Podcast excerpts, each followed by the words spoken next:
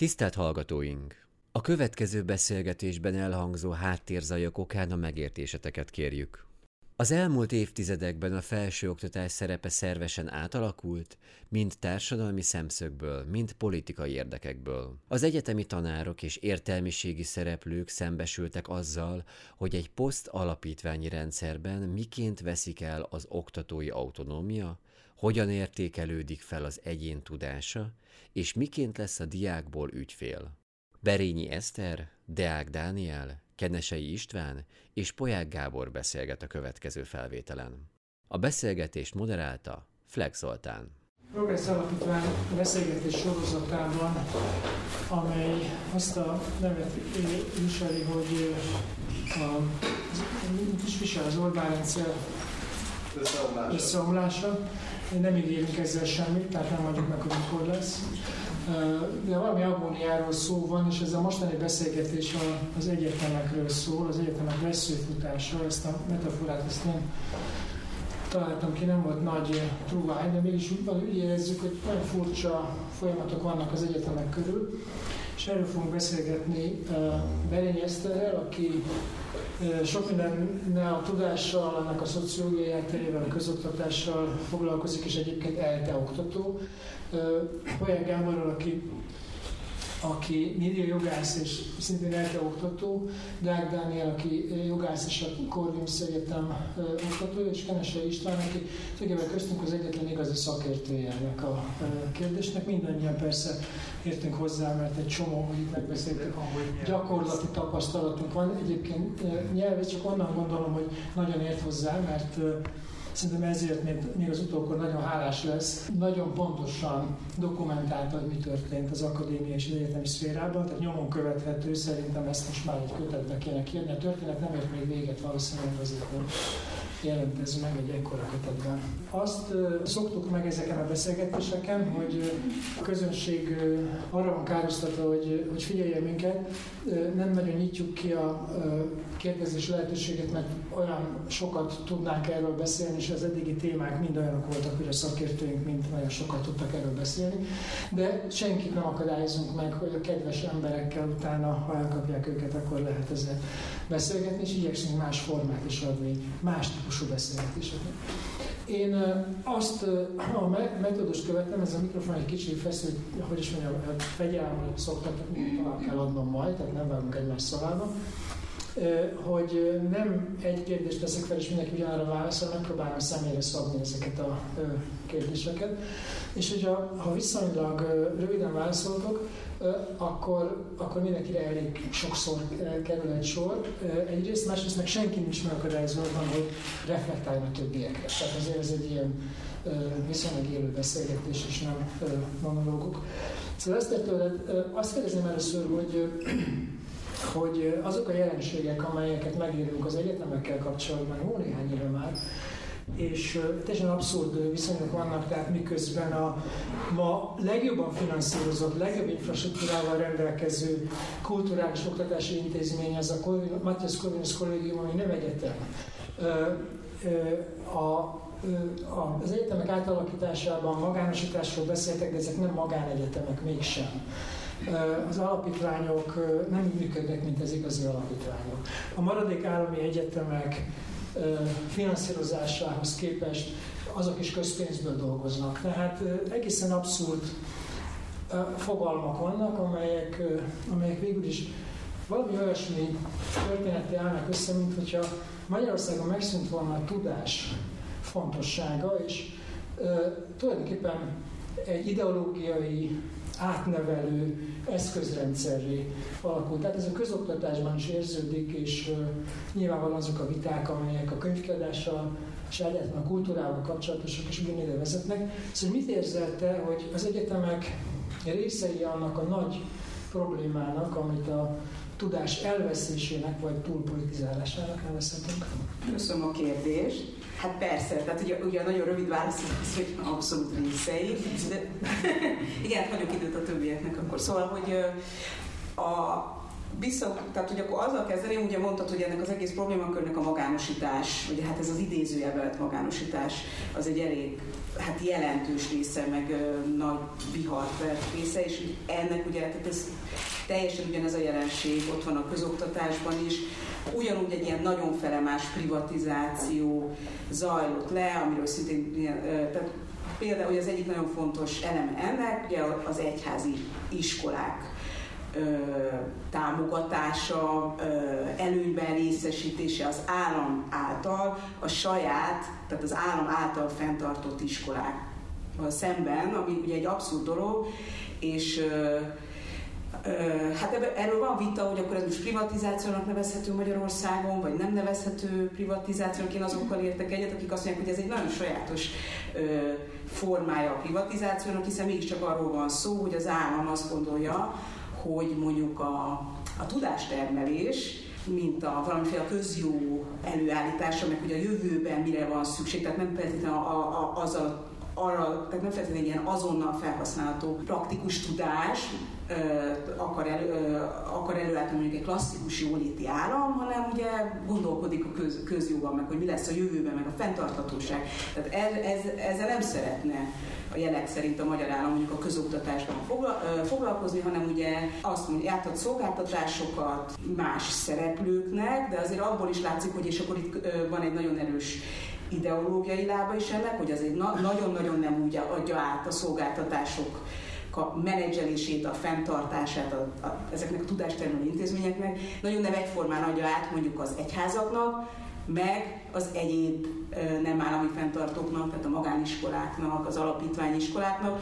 mert ugye, ugye egy klasszikus privatizáció lenne, amiben az állam azt mondja, kivonulok a, nem, én már ugye nem, tehát nem, nem, nem az a jóléti állam vagyok, hanem magamévá tettem a neoliberalizmus minden csúnya értékét, akkor azért abból következne az is, hogy, hogy nem teremt versenyhátrány az alapítványi iskoláknak, de hogy elég egyértelmű, ezeket nagyon nehezen lehet pontosan átlátni mondjuk, hogy most akkor négyszer annyi pénzt kapnak az egyházi iskolák, mint az államiak, vagy azért csak csak kétszer annyi pénz, de hogy minden esetre látványosan jobb helyzetben vannak, mert egy olyan ideológiát közvetítenek, ami a jelenlegi kormányzatnak megfelel. Tehát, hogy, tehát azt mondom, hogy ez ilyen sajátos tehát hogy, hogy benne van a neoliberalizmushoz való viszonyulás, tehát hogy csak tehát nem, nem kell pénzt költeni, amit ugye ki szoktak mondani, hogy hát ez egy, ugye, ugye ez csak egy kiadás, a, azt hiszem a közoktatással kapcsolatban hangzott ez el, de nyilván felsőoktatásra is így gondolnak kicsit, ez csak kiadás, tehát ez nem egy,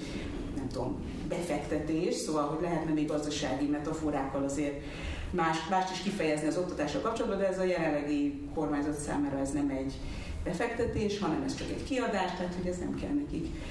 És akkor viszont keresnek olyat, ahol az ideológia megfelel. Tehát, hogy nem tudom, ez most meg kicsit hosszabb volt, mint az igen. Egy kérdés van meg ezzel kapcsolatban, hogy, hogy azt, azt is tudjuk közben, hogy az egyetemek is máshogyan vannak finanszírozva, tehát ott is mondjuk, egy, ha legaljáról nézzük, az oktatói bérek között is jelentős különbségek vannak egyházi, állami, alapítványi egyetemek oktatói között, tehát ott is megjelenik egyfajta politikai differenciálás a különböző formákban. Erről meg vissza fogunk térni még. Gábor, hogy haladjunk ebben a sorban, te azért a napjai nagy részét olyan dolgokkal töltöd, ami a média pluralizmus és az autonómiával kapcsolatos. A, ami az egyetemhez köti ezt a, ezt a nagy tematikát, az nyilván az autonómia kérdése.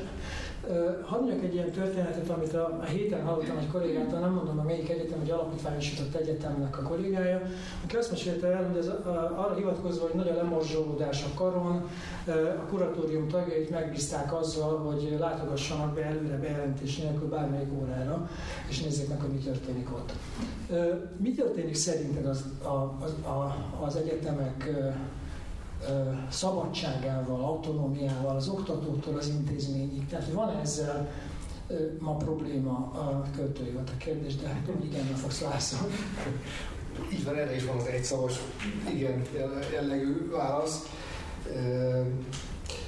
És egyébként tényleg érdekes egybe látni az oktatást, a médiát, a kultúrát, gyakorlatilag minden humán területet nagyon hasonló, én ezt nem, nem végig gondoltam és megalapozottan és strukturális cenzúrának hívom, mert nagyon sokszor nem az van, hogy abba szólnak bele, hogy a színházban mit játszhatnak, hanem azt mondják meg, hogy ki lesz az igazgató, és mennyi pénzből lehet majd bármit címre vinni. E, és ezzel közvetve és középtávon sokkal radikálisabban e, változik meg a kínálat. Ugyanezt történik a, a hát kicsit erőteljesebben a médiában, de alapvetően nem arról van szó, hogy mindenkit bedöngöltek a földbe, van, akik nem döngöltek be a földbe, csak azt próbáljuk meg túlélni, míg akik ebben a strukturális átalakításban hát az előnyös oldalra kerültek, azok ugyan elvesztették a szabadságukat, viszont köszönik, jól vannak. E, tulajdonképpen ezt az alkut erőltette rá a, a, a felsőoktatásra a kormány, hogy elveszük az autonómiádat, de egyébként köszön meg, hogy jól vagy. És szerintem egyébként ez kicsit túl van dimenzionálva, hogy ők mennyire vannak jól, tehát ezek nem nagyságrendiek a fizetésbeli különbségek, a, nem azért, mi olyan jól keresünk, hanem mert nekik több lett ígérve, és ahhoz képest, és nem tudjuk, hogy aztán ugye majd most lép igazából élesbe az, hogy az indikátorok, azok a bizonyos mindenféle elvárások mentén fog a következő etapban majd a, a kuratórium arról dönteni, hogy, hogy ki mennyi pénzt kap, és egyáltalán nem biztos, hogy a, ennek a megemelt bérnek ugye nem az az ára, hogy mégiscsak a, végül csökken a mondjuk az oktatói létszám, meg ugye hát bizonyos karok azok kezdettől fogva bizonyos egyetemeken veszélyben vannak, tipikusan a bölcsészkarok azok, amik, eh, amik nem érzetik jól magukat. Tehát nincs, nincs autonómia, mint ahogy nincs autonómia egyetlen területen sem, az önkormányzatoktól még egyszer a, a színházakig. Eh, ezt eh, tűzzel vassal írtja ez a kormány, de ráadásul olyan módszerekkel, amiknél vannak látványosabb megoldások, és amiket tök nehéz mondjuk egy, egyrészt jogi eszközökkel bármilyen módon támadni, másrészt akár csak elmagyarázni, hát ezt mindannyian megtapasztaltuk már egy, egy külföldi kollégának, hát volt olyan beszélgetés, ahol neves külföldi szakember mondta végül azt, hogy na de hát végül is akkor ez a, a alapítvány, hát ez egy önálló dolog, autonóm dolog. Nem, tehát hogy ez nagyon ügyesen, ügyesen tudja a Fidesz ezeket a, a nem látványos megoldásokat e, hosszú távra e, kitalálni. Úgyhogy tehát az, hogy mi történik aztán lejjebb, az nagyon sok mindentől függ. E, nagyon sok minden függ attól is, erről a többiek beszélnek nyilván, hogy a kuratórium maga milyen. Tehát én azt látom, hogy vannak nagyon túlmozgásos kuratóriumok, és vannak kevésbé e, aktív kuratóriumok. A túlmozgásos kuratóriumban is attól függ, hogy ül-e benne mondjuk, mint Pécsen benne ül egy, egy olyan közgazdász, aki már a, aki egyébként egyetemi oktató, és már a alapítványosításról szóló szenátusi döntésnél úgy betámadta a bölcsészkari dékát, hogy nem, nem muszáj megszavazni a átalakulást, de akkor nézze meg magát a bölcsészkar, hogy eltartjuk-e a továbbiakban. Mintha ez valami, nem tudom, milyen luxus, vagy, vagy hát nem tudom, tehát ez a, az ő jó téteménye lenne, hogy, hogy vannak bölcsészkarok az országban. Na most ő ott ül a kuratóriumban, nyilvánvalóan ez a, a bölcsészkar státuszát konkrétan nem e, pozitív irányban befolyásolja Pécsen, máshol, máshol kevésbé aktív. És aztán ugye legalul, tehát egyfelől mindig az, hogy a tanteremben mi történik, azért az egy, az egy nagyon egyéni döntés és odáig nagyon, nagyon nehezen jut be minden ilyen strukturális cenzúra, csak végsősorban mindegy is, mert hogyha annyira összeszűkítem a mozgásteret, hogy kevés oktató, sok diák, mit tudom én, akkor hiába lenne az emberben még meg az oktatói szabadság, e, tulajdonképpen nincs hol kiélni, mert, nem marad rá e, tér, ehhez mondjuk nem kell alapítványegyetemen lenni, azért ezt érezzük a, mondjuk az eltén is, ahol struktúrális cenzúra nincs, de egyszer annyira rosszak már a munkafeltételeik, hogy a forradalmi hevület az azért kezd csitulni. Tehát, hogy ott bent mi történik, hogy elhiszi az oktató, és én nekem nincs kétségem, az oktatóknak mondjuk a 70%-a elhiszi, hogy lehet abból baj, ha ő azt mondja, hogy az öncenzúra elképesztően erős ennek a kultúrája ebben a társadalomban, és ez az akadémiai szféra egyáltalán nem kivétel, sőt, egy kifejezetten erős öncenzúrára hajlamos rétege ennek a társadalomnak, és mint ilyen elképesztően rossz mintaadó. Úgyhogy szépen nem durván, nem kalapáccsal, meg géppisztolyjal, de a rendszer egészén végighúzódik az a nyilvánvaló politikai akarat, hogy a mostani kormányzat szája íze szerint alakuljanak a felsőoktatás dolgai. Köszi. A, vissza fog térni arra, hogy ugye az autonómia megvonása az nem most kezdődött az alapítványosításra, hanem sokkal korábban, de most a Dánieltől azt kérdezem, tulajdonképpen két, két dolog. Egyrészt ő, ő a, ugye az első ilyen alapítványosított egyetemen dolgozik, a Corvinuson. Másrészt eléggé jól figyelemmel kíséri az európai jogi válaszokat és követelményeket. Szóval, hogy hol tartunk most ebben a, ebben a vitában, a magyar kormány valamit próbál válaszolni. Ugye a közönséghez az jutott el, hogy kiszedik a minisztereket a kuratóriumokból. Nekem az a gyanom, hogy beraknak nem ennyire nagyon látványosan politikai központhoz közeli embereket, de azért az még bőven a lojalitás körön belül marad, ezt is meg is írt az egyik cikke végén. Szóval, hogy mit akar az Európai Unió, miért most jött rá, hogy csak ez a, ez a probléma, korábban miért nem volt baj mondjuk a, a a kancellári rendszerrel, vagy, vagy más dolgokkal, tehát hogy mit tehet itt a, a külső kényszer ebben az egyetemügyben? Köszönöm szépen, hogy még, még két kérdéssel is megtiszteltél, és igyekszem nagyon tömören, röviden válaszolni. Ami a Corvinus Egyetemet illeti, azért azt látni kell, és azt hiszem, aki valamennyire tájékozott a felsőoktatás világában, az tudja is, hogy igaz, hogy ez egy alapítványi egyetem, de egészen más feltételek között van a pályán, mint a többi alapítványi egyetem. Eleve, amikor a Corvinus Egyetem átszervezése megtörtént, akkor még szó nem volt arról, hogy, hogy más egyetemre is ki lehetne terjeszteni ezt a működési módot. Inkább arról beszéltek, hogy ez valamiféle pilot program. Aztán ugye, ahogy szokott lenni kormányunknál, mindig egyik pillanatról a másikra radikális és döntő változások születtek. Azt hiszem, hogy két problémát emelnék ki az egyetemmel kapcsolatban. Az egyik az egy egyéni probléma, pontosabban az oktatóknak a problémája. Megfeszülünk mindannyian, hogy megfeleljünk annak a követelményrendszernek, amelyet állítottak. Ez egy nagyon furcsa, nagyon amerikanizált követelményrendszer, amely bizonyos szakmákat szinte lemos a pályáról, nagyjából egyébként a, nem csak a jogászok ilyenek, hanem a, egyáltalán az üzleti tudományok legkülönbözőbb képviselői, akik egészen más módon publikálják a gondolataikat, de ugye a jogászoknál még egy külön probléma, hogy persze a jogon belül tudományterülettől függően azért az integráltságnak, a nemzetközi folyamatokba való beépülésnek más és más helyén tartanak, de e, azért a legtöbb jogász számára e, az évi kettő Q1 vagy Q2-es publikáció az megugorhatatlan akadály.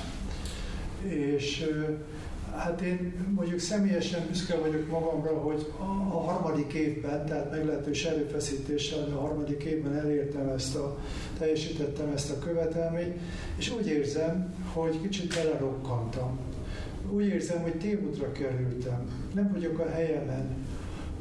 Egyre inkább húsba kötnek ezek a követelmények, de ez a pálya, ez a kijelölt pálya, ez gúzsba köt engem, mert elismerem, hogy mennyiségi mérésekre szükség van, de amikor az a fő szempont, hogy hogyan tudok úgymond eladni egy dolgozatot, és vajon a lektorok mit fognak szólni, és hogyha valaki tájékozott a szakmájában, akkor nagyjából tudja, hogy milyen, milyen lektori véleményekre számíthat. Szóval ez szerintem, ez, ez egy végtelenül beszűkíti a, a gondolkodásmódot, és főként a tudomány szabadságát. Ez az egyik. A másik a Corvinusszal kapcsolatban ez a vállalatszerű működés. A kuratórium olyan emberekből áll, hát 90%-ban mondjuk, akik nem láttak még közelről egyetemet. És ez meg is látszik a gondolkodásmódjukon. Vállalatot viszont nagyon jól ismernek, igazgatnak, vezetnek. A módján nagyon sikeresen.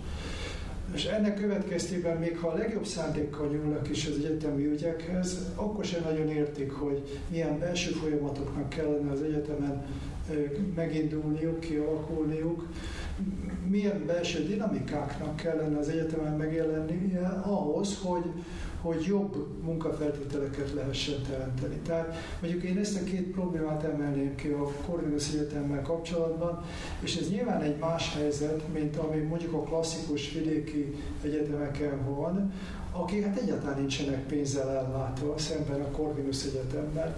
Ez egy más kérdés, hogy a Corvinus Egyetem is egy akkora vagyoni juttatást kapott, amelyik nagyjából a szintetartásra elég. Tehát körülbelül ez egy olyan tőke, amelynek a, a hozadékából olyan szinten föl lehet tartani az egyetemet, mint korábban. De hát ugye nem ez van beígérve hivatalosan, hanem az, hogy mi aztán kilövünk és elit egyetem leszünk. Azt gondolom, mert nagyon messze van az egyetem, és a, igazából azt tartom a legnagyobb problémának, hogy, hogy Magyarországnak az akadémiai világban olyan rossz híre van, hogy ebből ki lehetett törni. És ez persze messze a Corvinus Egyetemen túlmutató probléma.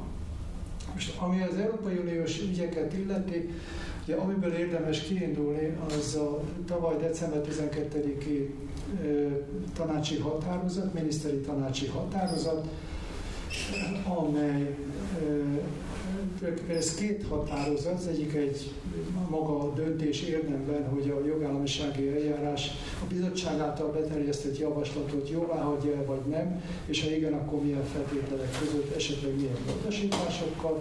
A másik pedig ennek az egésznek a végrehajtása. És maga a végrehajtásnak az indokolása is rendkívül részletes, valami 80 pontból áll csak a, a preambulum, a bevezetés, és ami még ennél is érdekesebb, ezt a bizottságnak szinte egy, egy könyv terjedelmű tanulmánya támasztja alá, hogy a bizottság megalapításai szerint, amelyek amennyire csak lehet exakt adatokon alapulnak, tehát a bizottság megállapításai szerint milyen a jogállamiság állapota Magyarországon. Problémát jelent most a napokban az egyetemekkel, a kekvákkal, ez a közérdekű közfeladatot ellátó vagyonkezelő alapítvány, tehát ezekkel kapcsolatban problémát jelent, hogy pusztán csak formai és technikai jogból az említett minisztertanácsi határozatban egy külön bekezdésben említik meg a kekváknak a kérdését, lakonikus többséggel annyit mondanak, hogy most egyébként a jogállamisági problémák állásától függetlenül a kekvákkal nem lehet szerződést kötni.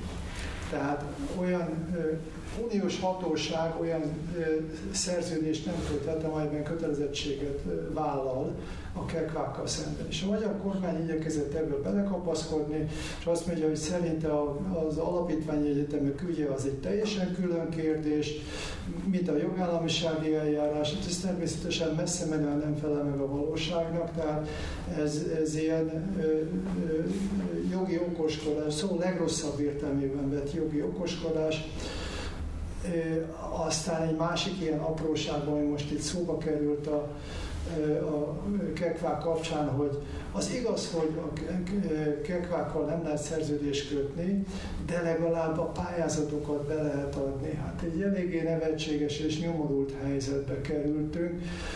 Egyébként Navracsics jött haza, akkor Brüsszelből ezt talán három hete történt, hogy minden problémát megoldottunk. Ez pedig azt jelenti, hogy a pályázatokat be lehet adni, de egyébként persze minden marad változatlan. És végül, ami az, ezeknek az alapítványoknak a működését illeti, hát természetesen nem az a probléma, vagy nem az az egyetlen probléma, hogy a miniszter ott ül-e vagy nem, bár nyilván ez egy látványos probléma, hogy mennyire a politikai akarat érvényesül ezeknek az intézményeknek a működtetésében, hanem önmagában az, hogy ez egy jogi szó szülött, és ennek következtében egy pénzügyileg is egy átláthatatlan intézmény. És gondoljunk el egy, egy olyan egészen furcsa képződményt, hogy ugye ez alapítvány. Tehát itt alapítványi vagyonkezelés folyik, ez egy speciális jogi forma, egy úgymond sui generis jogi forma, ez a vagyonkezelő alapítvány, hogy az állam átadja a vagyont, de egyúttal az alapítói jogokat is átadja. Tehát önmagában két pozíció összeolvad, és emellett a vagyonkezelés arról szól, hogy vannak kedvezményezettek. Az alapító, amikor átadja a vagyonát, akkor egy alapító okiratban rögzíti azt, hogy hogyan lehet ezt felhasználni, kik lesznek a kedvezményezettek, akik milyen feltételek mellett juthatnak hozzá. Na most ebben az esetben maga a kedvezményezett is az alapítvány. Tehát egy egészen abszurd helyzet jött létre, ahol az alapító, a, a vagyonkezelő és a kedvezményezettek az mind egyetlen személy. Ez a bizonyos alapítvány, ahol nem lehet tudni, hogy hát ugye az állam által kinevezett kuratóriumi tagok vannak, akik határozatlan időre kerültek be a, a kuratóriumba, akik a világon senkinek nem felelnek, tehát teljesen felelőtlen módon, és a szó alkotmányjogi értelmében felelőtlen módon ö, ö, gazdálkodnak ezzel a vagyonnal és működtetik az egyetem ügyeit. Tehát ez az egész jogi konstrukció, ezt ugyanúgy van ki kellene dobni, de én gondolom ennek nincs politikai realitása, ezért eh, én azt tanácsolnám a kormánynak, engem megkérdeznének, ezt természetesen egészen biztos, hogy nem fognak megkérdezni, hogy ki kellene üresíteni ezt a zsákutca-szerű intézményt. Egyszerűen ki kell üresíteni, és akkor mégis mondhatjuk azt, hogy megmarad, de hát valami egészen más utakon kell járni. Bocsánat, hogy hirtelen ennyi mindent összehoztam, de...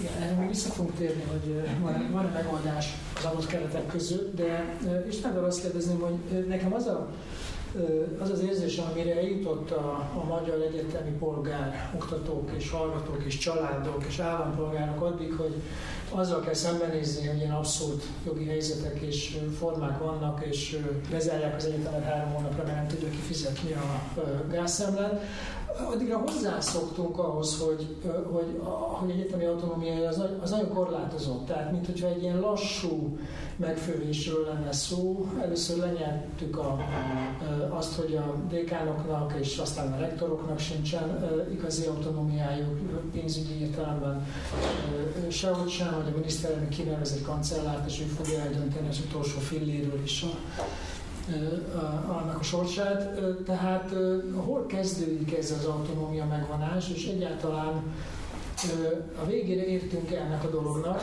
az értelemben, hogy most aztán tényleg nem lehet már tovább, illetve lehet még persze az eltét még lehet alapítványosítani, és a maradék néhány ilyen helyet, de hogy, de hogy jól érzem-e azt, hogy ez egy hosszú folyamatnak a vége volt? Igen, valóban egy hosszú folyamat volt. Egyébként azt elfelejtetted mondani, hogy nekem van egy hosszú történetem a Szegedi Tudományegyetemmel, tehát én is egyetemi ember vagyok, az is vagyok. Ez egy hosszú folyamat volt, és hadd tegyem abba a kontextusba, hogy én éppen Amerikában voltam, amikor professzor lettem Szegeden, az a rendszerváltása és a felsőoktatási törvényel egy időben volt, és még amíg Amerikában voltam, engem beválasztottak a Szegedi Egyetem szenátusában 1993-tól kezdve követem, tehát egészen közelről az egyetemi dolgokat. Azzal egy időben lettem én az Akkreditációs Bizottság tagja, 2003-ig szolgáltam az Akkreditációs Bizottságban. Időközben rektor voltam Szegeden, aztán amikor 2000-ben egyesítették az egyetemeket, és újra alakultak doktori iskolaként a doktori programok, akkor a Szegedi Nyelvtudományi doktori iskolát vezettem, tehát eléggé közel, hogy úgy mondjam, administratív pontokon is figyeltem, hogy mi történik körülöttünk. És azt kell, hogy mondjam, hogy a, az Antal kormány idején egy nagyon liberális felsőoktatási törvényt hoztak létre.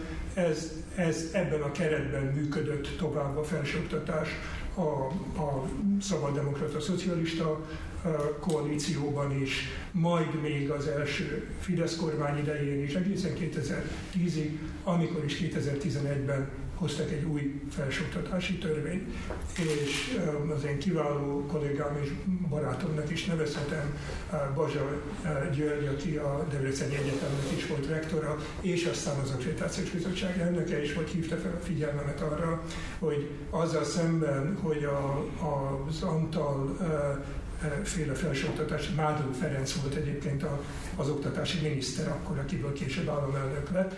Ezzel a felsőoktatási törvényel szemben, amelyben 16-szor szerepel az autonómia szó, az úgynevezett nemzeti felsőoktatási törvényben, amit egy kiváló barátom nem FTV-nek hív, rövidítve, a, abban egyszer sem szerepel az autonómia. Ezzel sikerült megágyazni az autonómia jövőjének ebben a mi korszakunkban, akkor szimbolikusan ebben kell keresnünk, ebben a felsőoktatási törvényben.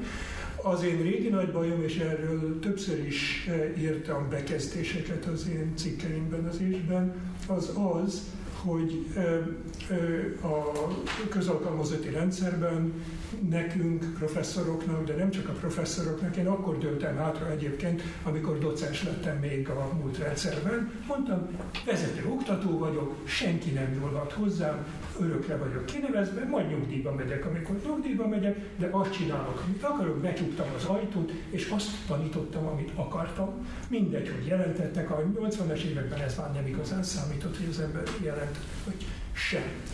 De a docens és a professzor az érinthetetlen. És én azon csodálkozom egyfolytában 33 éve, hogy a vezető oktatók e nem élnek ezekkel a jogaikkal. Most persze változott a helyzet, mert nem közalkalmazottak, a munkatörvénykönyvre vonatkozik rájuk, de azt kell, hogy mondjam, hogy a munkatörvénykönyvben legalább olyan erős biztonságot ad és jogosultságot ad, nem lehet valakit kitenni. Az egyetlen dolog, amit tenni lehet, az, hogyha eléred a nyugdíjkorhatárt, akkor kitesznek. Ez így van. És volt olyan professzor kollégám, aki miután nem tetszett a főnökeinek, hiába lehetett volna közalkalmazottként 70 éves koráig professzor, 65 éves korában úgy kitették, mint a vinty. Ez valóban egy rizikó. De ez a rizikó, e, ezt a rizikót mindannyiunknak vállalni kell, nélkülözhetetlenné kell tennetek magatokat, igaz, hogy senki nem nélkülözhetetlen, és akkor se temetők is tele van nélkülözhetetlen emberekkel, de, de az, hogy nem áll ki, a vezető oktató nem áll ki magáért, az oktatói jogaiért, az példát mutat a lejjebb hogy akkor ő hogy merjen, ő hogy merjen cselekedni. Ez egy rettenetes helyzet Magyarországon, ez, ez, ez, ez az egyik rákfenéje annak, amiben élünk. Én persze nyugodtan írkálhatok már, mert ön vagyunk, de én akkor is írkáltam, amikor még pozícióban voltam, és sokan vagyunk, akik, és éppen azok, akik itt ülnek, azok éppen azok, akik, akik megteszik, amit tőlük telik. Egyelőre ennyit tudok mondani, az autonómia védelme alapvető kötelességünk, és ezt minden vezető oktatónak a szívén kell viselnie. Ami velünk történik, az nem rajtunk kívül történik. Velünk úgy történik, hogy részesei vagyunk, és szégyeljük magunkat. Ez egy jó, jó végszó volt az első, a végszó volt az első körhöz, mert akkor rögtön nem biztos, hogy ezt a sorrendet fogom tartani, de hogy akkor azért ezt fordulnék, mert itt mintha arról lenne szó, hogy ugye a, a tudás elitünk szolidaritás potenciája és rezisztenciája, kritikus gondolkodása és egyáltalán a demokráciáról kiállása is hiányos. Tehát amikor arról beszélünk, hogy milyen demokratikus kulturális feltételei vannak a, mondjuk a jogállam védelmének, akkor kiderül, hogy hát talán nem az átlagpolgárt kéne azért felelősségre vonni, de a mi felelősségünk az, az nagyon nagy. Tehát, hogy hogyan néz ki a tudás és a, a demokrácia, egyértelmű és demokrácia viszonya szerinted, és aztán persze erre mindenki reflektálhat majd egy picit, ez tulajdonképpen a jövőbe vezető kérdés, tehát hogy van-e egyáltalán esélye annak, hogyha a tudást leértékeljük, hogyha a benne dolgozó professzionalisták képtelenek megvédeni a saját autonómiájukat pici kockázat mellett is, akkor hogyan gondoljuk a demokratikus újjáépítést? Ez nagyon jó kérdés megint csak, mert hogy a, tehát szerintem odáig Szóval hogy a, a dologban egy nagyon nagy probléma, és ez az autonómia fogalomra is teljesen igaz, meg a demokráciára is igaz, hogy nekünk ez itt fontos, akik itt ülünk. És azért biztos vagyok benne, hogy mondjuk az egyetemeken oktató, meg a kutatóintézetekben is kutató kollégáknak is azért ez, ez, ez fontos, ha megkérdezik őket. És a, de a, a másik dolog viszont az az, hogy szerintem nagyon sokakban van egy ilyen hát igen, egy ilyen, tehát nem is öncenzúra, hanem hogy egy ilyen szégyenkezés, mert hogy ez egy nagyon-nagyon nem, nincs benne a közbeszédben, vagy legalábbis a, a, a, a legitim diskurzusban, mondjuk ma Magyarországon az, hogy hát igen, a tudományos autonómia az fontos dolog. Hát ezeket a változásokat pont azért lehetett végigvinni, mert hogy, mert hogy általában az embereket ez nem izgat, hiszen ez nagyon igaz, hogy nyilván azoknak kéne felemelni a hangjukat, akik azért benne vannak, de hogy szerintem nagyon sokan azt gondolják, hogy hát, hogy, hogy, hogy mint hogyha itt a, ha, ha küzdünk a tudományos autonómiáért, ha küzdünk a, azért, hogy az egyetem az nem valamiféle, nem tudom, kizárólag ilyen szakmai, professzionalizált, alkalmazható tudás termelésének az intézménye, hanem mondjuk a demokratikus kultúra fenntarthatóságának és újratermelésének a, a helyszíne. Tehát, hogy akkor valami nagyon cikit mondunk a köz szemében, akkor, akkor, akkor olyannak fogunk tűnni, de ezt mondjuk igazából, tehát ez most csak így, így, ez egy megérzés a részemről, szóval nem biztos, hogy ez van mindenkiben, aki, aki hallgat, vagy nem mer beszélni, de hogy akkor, szóval hogy a, talán azt gondolják, hogy hát akkor, akkor, akkor ez olyan, mintha igazából csak a privilégiumainkat szeretnénk megőrizni, azokat a privilégiumokat, illetve hát privilégiumnak tűnő dolgokat, amik folyamatos támadás alatt vannak, és nem csak Magyarországon vannak támadás alatt, hanem hanem az tényleg a világon mindenhol más egyetemi rendszerekben is azért nagyon hasonló problémákkal küzdenek, ahol ez a tehát az, hogy mondjuk ez a demokratikus intézményrendszernek, a, a demokratikus közbeszédnek egy fontos terepe az egyetem, ahol mondjuk nem annak kéne a mércének lenni, hogy igen, hogy hány Q1-es meg Q2-es publikáció van, hanem, hanem mondjuk hanem mondjuk meg kell tanítani mondjuk a hallgatókat vitatkozni, esetleg, uram, bocsánat, az oktató is tanulhat a hallgatótól ezekben a vitákban, szóval ezek mind-mind nagyon furcsán hangzó dolgok szerintem a, a 21. század elejének közbeszédében, és hogy szerintem egy nagyon, nagyon sok akadémiai emberben ott van ez a tudat, hogy ez, ez nem legitim, tehát hogy igazából a diskurzust kellene nagyon erősen megváltoztatni, ezzel kapcsolatban. És akkor itt mondjuk, tehát hogy ugye a, a magyar média viszonyok erre kevéssé alkalmasak, hogy, hogy valami olyat mondjunk, ami, amit nem szednek azonnal a széjjel. Szóval szerintem azért az, az is van, hogy vannak ilyen hangok, amik, arról besz, amik, amik beszélnek olyan dolgokról, amiket a, a, hogy, hogy, hogy nagyon fontos lenne megtartani a, az autonómiát az egyetemen, de ezek a hangok olyan nagyon hallhatatlanok, és hogy mondjuk ahhoz, hogy bármiféle hát megerősödjön, akár a még állami kézben lévő egyetemeken ez a klasszikus, hát mondjuk ilyen, ilyen sokkal lassabb tudástermelés, mint ami, a, mint ami az jelenlegi mainstream elvárás a tudástermelés. Tehát ez a lassú, átgondolt, vitákon alapuló, iteratív tudástermelés, szóval hogy nagyon-nagyon meg kellene változtatni azt, hogy, hogy hogyan merünk beszélni arról, hogy mi értelme van az egyetemnek, meg hogy ö, ö, ki, ki mennyire van belekényszerítve, tehát hogy amit a, a Corvinusos példáról mondtál, hogy hát az ember belekényszerül, és akkor aztán rosszul érzi magát, mert mondjuk ugye nem azzal, foglal, tehát nem azzal a témával foglalkozom, amivel szeretnék, mert, mert akkor abból nem lesz december 31-ig egy elfogadott publikáció, hanem akkor olyanról írok, meg olyan szerzőtársakkal írok, akik olyan tudományterületek journaljeibe tudnak bevinni, ahol könnyen lesz sok pontú publikáció, és ez, ez könnyen belátható azért szerintem akadémia világán kívül lévők számára is, hogy ez ugye, hát már eleve az a, a saját, az autonómiát romba dönti, tehát hogy nem azt kutatom, amit szeretnék, úgy igazán, amire úgy igazán kíváncsi vagyok, amit igazán fontosnak tartok, hanem azt, amit ez a nagyon erősen ilyen piacosított felsőoktatás szemlélet az úgy megkövetel tőlem, és akkor ennek alávetem magam, mert nem tudom, mert, mert hát hogy ebben élek, és nem látom a, a kiutat. Ez most nem csak magamról mondom, hanem egy ilyen általános alanyként. Szerintem nagyon elmentem az eredeti kérdésektől. Hadd legyen vissza. Tehát, hogy, a, tehát, hogy a, a, ezt nagyon is erről beszélsz, mert az jutott eszembe két dolog erről, hogy egyrészt ennek az a következménye, hogy amit én tapasztalok, szerintem ti is, hogy megszűnnek a közösségek, tehát hogy nem tudunk beszélni egymást, nincs időnk arra, hogy megbeszéljünk irodalmakat. Egymás szövegét sem olvassuk, mert azzal kell foglalkoznunk, ami, ami éppen a határidőben teljesítendő. Megszűnnek a közösségek, ami a szolidaritásnak, az, a felállásnak, a szembenállásnak, az önvédelemnek egy alapja lenne.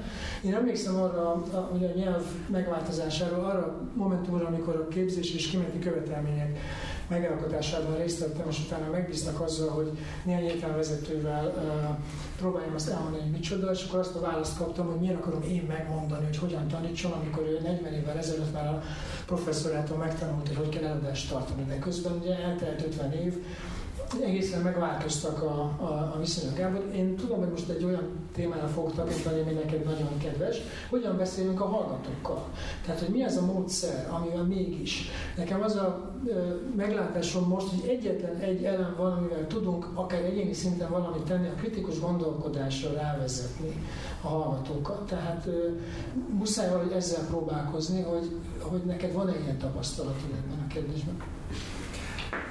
Uh, mindenre, amit, amit Eszter mondott, hogy én is nagyon szenvedek ebben a kúk által definiált világban. Tehát, hogy szerintem az történt konkrétan, és ez nem magyar jelenség, hogy a, a tudástermelés és az értelmiségi rész az teljesen eltért egymástól. Tehát mi most már nem vagyunk értelmiségek, most már egy tudásgyárban dolgozunk, ez szalagmunka pontosan tudjuk, hogy hogy kell kinézni egy Q1-es cikknek, és megcsináljuk újra, meg újra, meg újra, és végig játszuk a review folyamatot, de ennek a világon semmi köze nincs az értelmiségi, gondolkodó, együtt gondolkodó beszélgető léthez. Ez borzasztó, és pláne a társadalomtudományokban borzasztó, ahol elveszik a kapcsolat a tudomány és a a tudomány által vizsgálni vélt társadalom között nem hatunk arra a környezetre, amiben élünk, mert az, hogy egyébként majd a nem tudom milyen journal of akármilyen, akármilyen science-ben megfogja, az világos semmi nem fog változtatni. Nincs jelentősége, de nekem jó lesz, mert a Q1-es cikk ki lesz pipálva. Tehát mindannyian ebben élünk, ebben szenvedünk, eh, és és ez a, egyrészt ez nem, nem itt kezdődött, hanem valóban ez egy, ez egy globális jelenség, a projekt szemléletnek, a, ahol kell a produktum, mert a projektet le kell zárni, és meg kell mutatni, hogy hány Q1-es meg Q2-es volt, és a Magyar Tudományos Akadémia egyébként mindenféle külső kényszer nélkül elément ennek, és úgy hozta be az MTA doktoriba ezeket az angol száz mércéket, hogy egyébként ennek semmi értelme nem volt, mert mondjuk Németországban akkor még egyáltalán nem volt elvárás, amikor ez nálunk elkezdődött, hogy ilyen e, mércék szerint ítéltessenek meg mondjuk a német professzorok. Ez, ez egy totális öngól volt az MTA részéről, amit aztán persze most a alapítványosításnál simán átvettek, nagy örömmel átvettek a, a, a szabályozók és a kuratóriumok úgy, hogy hát nekik fogalmuk sincs az egész világról, csak ezek ilyen jól mérhető, grammosítható mércék. Na, visszatérve a kérdésedre. Um, az a baj, hogy nekem erre nincs általános orvosságom, nekem erről tapasztalataim vannak csak, amik, amik nagyon jók. De hogy ez miért működik, azt nem tudom megmondani, meg hogy miért nem működik ott, ahol nem működik. Én egyfelől, tehát ezt az előadás műfajt is, ahol, ahol úgy hívják az órámat, hogy előadás, én azt ott se előadásként csinálom már régóta.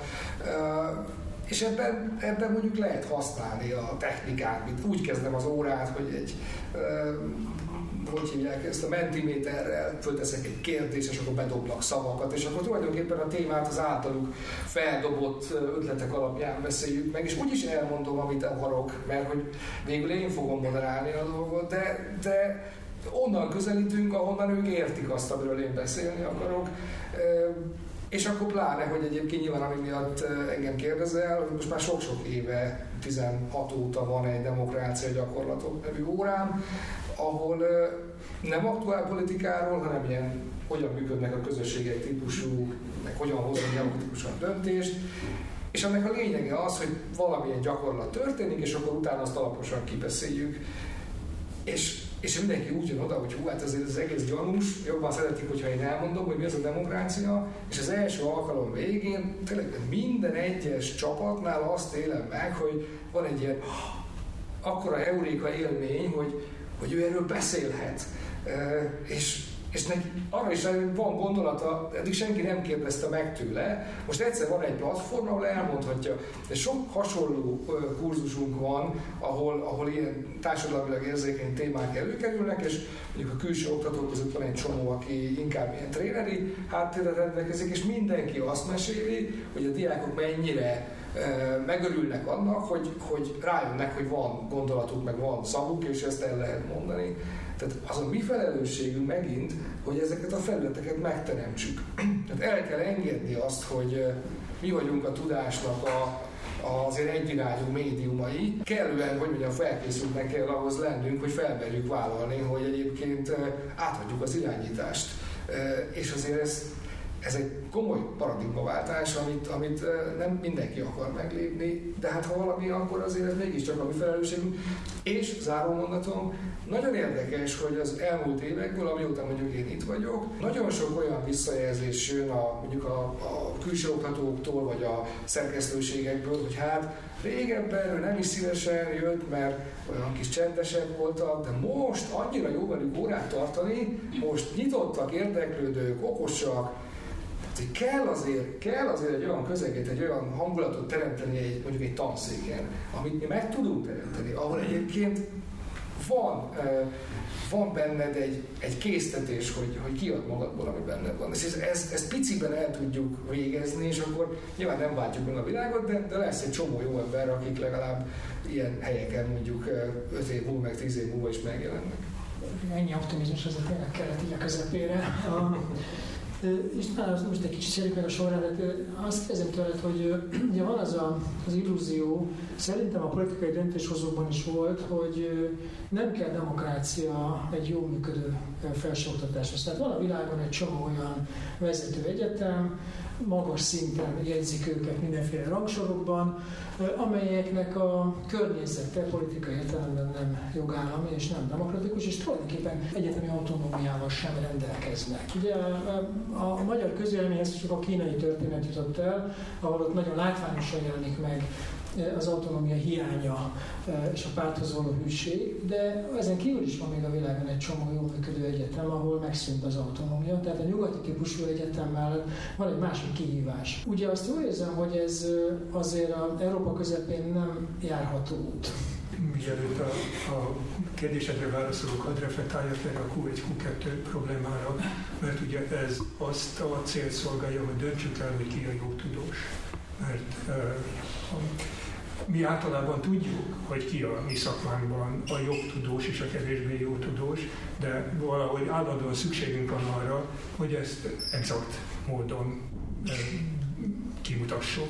Tehát a Q1, Q2, stb. Ez a, ez a, a gyengébbek arról van szó, hogy a főíratokat kvadrilisebben sorolják, a Q1 az a legjobb, a Q2, és vannak ilyen, ilyen portálok, ahol utána lehet nézni, hogy melyik folyóirat mennyit ér ebben a, ebben a listában, és a, a, a D1 az a legjobb decilis, tehát a, a tíz, tízes beosztásban a legjobb, a Q1 pedig a négyes beosztásban a legjobb, és ezt, ezt a, általában a hivatkozások számán, az idézetek számán mérik le, hogy hányan idézik az illető folyóiratot. Na most erre van egy ellenpárt is, amelyik azt mondja, hogy nem ez kell a San Francisco felhívás, ahogy nem a folyiratoknak, a, a, hanem a, a szerzőknek, hogy ki, ki hány, hányan idéznek téged konkrétan hányan idéznek téged, és ez még mindig kevés, ha tovább akarom boncolni, mert akkor azt kell néznem, hogy kik idéznek téged. A barátaid, a házastársad, a gyereked, a tanszékedről, vagy pedig, vagy pedig a messze külföldről idéznek olyanok, akik nem is ismernek téged. Most ezek is számol, de ezt ma nem számolja. Az oktatói kvalitásokra Tehát ne menjünk ebbe bele, ne menjünk ebbe bele. A másik oldalon pedig úgy, ahogy mondod, az oktatói kvalitás, amit ki tud, leginkább a hallgató tud legjobb esetben a kolléga tud, aki látja, hogy hozzá rohannak a diákok, hozzá meg nem rohannak, úgyhogy mi lehet ennek az oka, és ott van mindegy. Szóval igen, igen, és erre vannak rendszerek, és ezt még annak idején a 90-es években Hollandiában láttam először, amit a Corvinus is bevezetett, hogy, hogy választhatod azt, hogy oktatsz, és akkor kisebb a, a, a, ráter, a rád mért teher, hogy publikáljál. De választhatod azt, választhatod azt is, hogy publikálsz, és akkor kevesebbet oktatsz, de akkor el van várva tőle, tőled a minőségi publikáció. De mondom, ezt csak így felvetem, hogy ez egy nagyon önálló, külön téma, amit én, mert én intézetvezető is voltam, tehát én is próbáltam utána nézni, hogy milyen értékegységek vannak, nem menjünk ebbe bele. Ami a kérdésedet illeti, amit remélhetőleg nem felejtettem el. A, ezek a ázsiai Az ázsiai, ó, igen, igen, igen.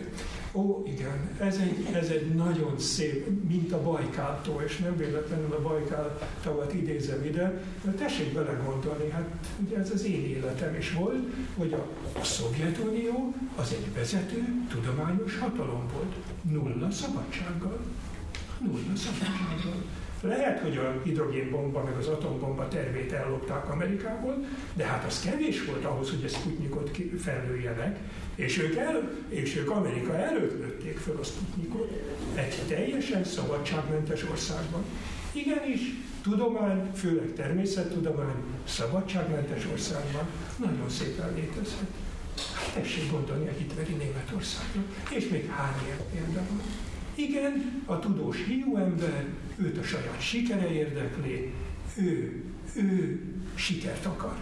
A társadalomtudomány egy kicsit más dolog, mert a Szovjetunió nem volt híres arról, hogy az ő társadalomtudománya világhíres lenne, és, és ha jól tudom, a szingapúri társadalomtudomány, meg a kínai társadalomtudomány sem, sem a világ élvonalában van. Nem ott mérik az egyetemeket. Lehetnének, de nincsenek, illetve annyira vannak, amennyire hagyják őket.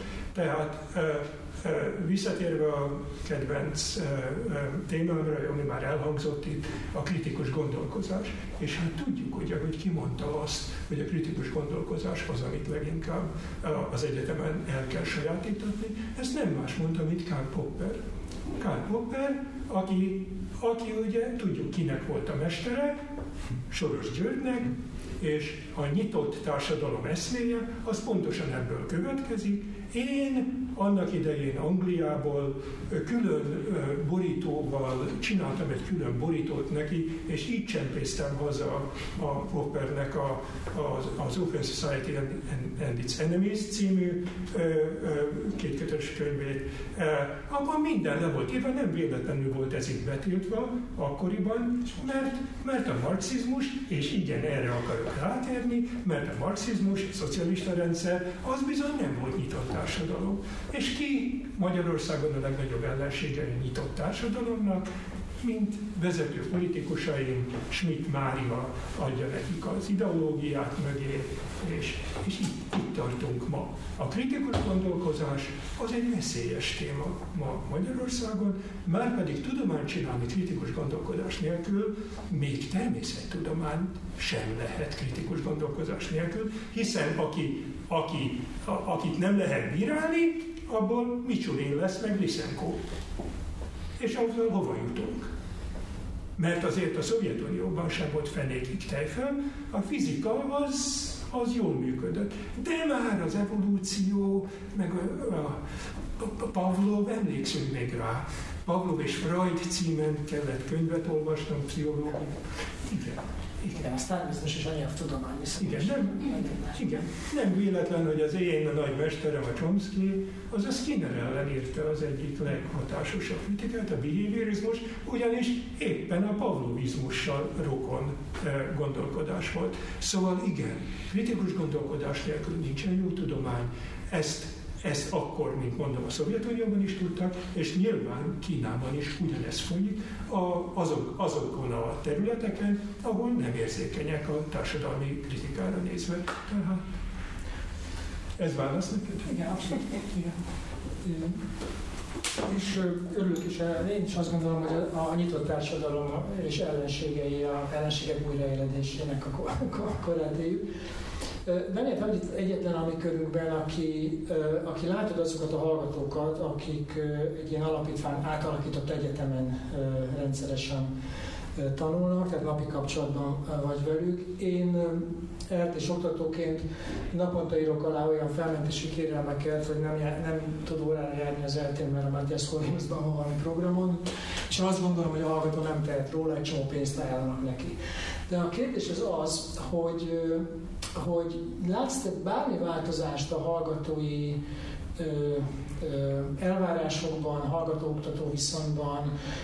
Ez tulajdonképpen arra vonatkozik, hogy a Corvinus intézményes kultúrája hogyan reagálta le ezt a változást? Azt hiszem, hogy jelentős módon megváltozott a hallgató szerepe az egyetemen, ugyanakkor a hallgató-oktató viszony is. És ezt nyilván érdemes egy tágabb keretbe belehelyezni, és ennek intézményi vonatkozásai is vannak. A dolgok talán ott kezdődtek, hiszen egy folyamatról van szó, amikor Magyarország is átvette a kétfokozatú képzést, tehát az úgynevezett Bologna rendszert. Vagyis a kapitalizmus nyomása alatt, hiszen ez a kapitalizmus logikája, kialakult az felsőoktatásnak a modulok mentén történő szervezése. Ez halatlanul romboló. Ez főleg humán szempontból romboló. Ugye a hallgatóim, olyan hallgatóim van, aki többnyire az a szerencse ért, hogy kis csoportokkal foglalkoztam, hogy életükben először akkor látják egymást a diákok, és nem is nagyon akarnak egymással kommunikálni. Tehát az, ahogy még én jártam egyetemre, ahol évfolyamok és tankörök voltak, ugye itt életre szóló kapcsolatok születtek, és ebből adódó van még a gondolkodásunkra is kihatott ez a kapcsolatrendszer. Ezek természetesen egyáltalán nincsenek, és ugye a modulra azért van szükség, hogy kicserélhető legyen, például egy Erasmus rendszerben, tehát nyilván előnyei is vannak, de hát ugyanakkor ez majdnem olyan, mint a darabbér. Ez a darabbér logikája, ami nyilvánvalóan mélyen tudományellenes. Az egyetem felső vezetése, most megint tegnap volt egy, egy intézményi értekezlet, amelynek a témája az önzet engagement volt, vagyis hogy mennyire vannak bevonva a különböző szintű és beosztású dolgozók az egyetemi életbe és az egyetemi egyetem működtetésébe. Az egyetemi vezetés, és tegnap megakadtunk rajta, nem én, hanem egyik kollégám, de nagyon örventem, hogy felvetette, hogy a hallgatót úgy hívja, hogy customer. Nálunk egyik már régóta hivatalosan két nyelvű az egyetem, és többnyire csak angol nyelvű képzések vannak. És az ilyen értekezletek is kizárólag angolul folynak, mert nagy esély van arra, hogy, hogy mindig van a teremben olyan ember, aki nem beszél magyarul. Azt hiszem, ez a customer megszólítás, ez mindent elárul arról, hogy, hogy hol a hallgató helye a, a, az egyetemben. A hallgatók többnyire talán nem izoláltak, csak nekem nincs tudásom arról, hogy hol nem azok.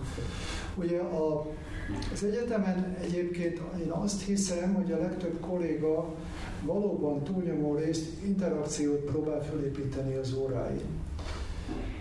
És a csoportos feladatok is rendkívül gyakoriak.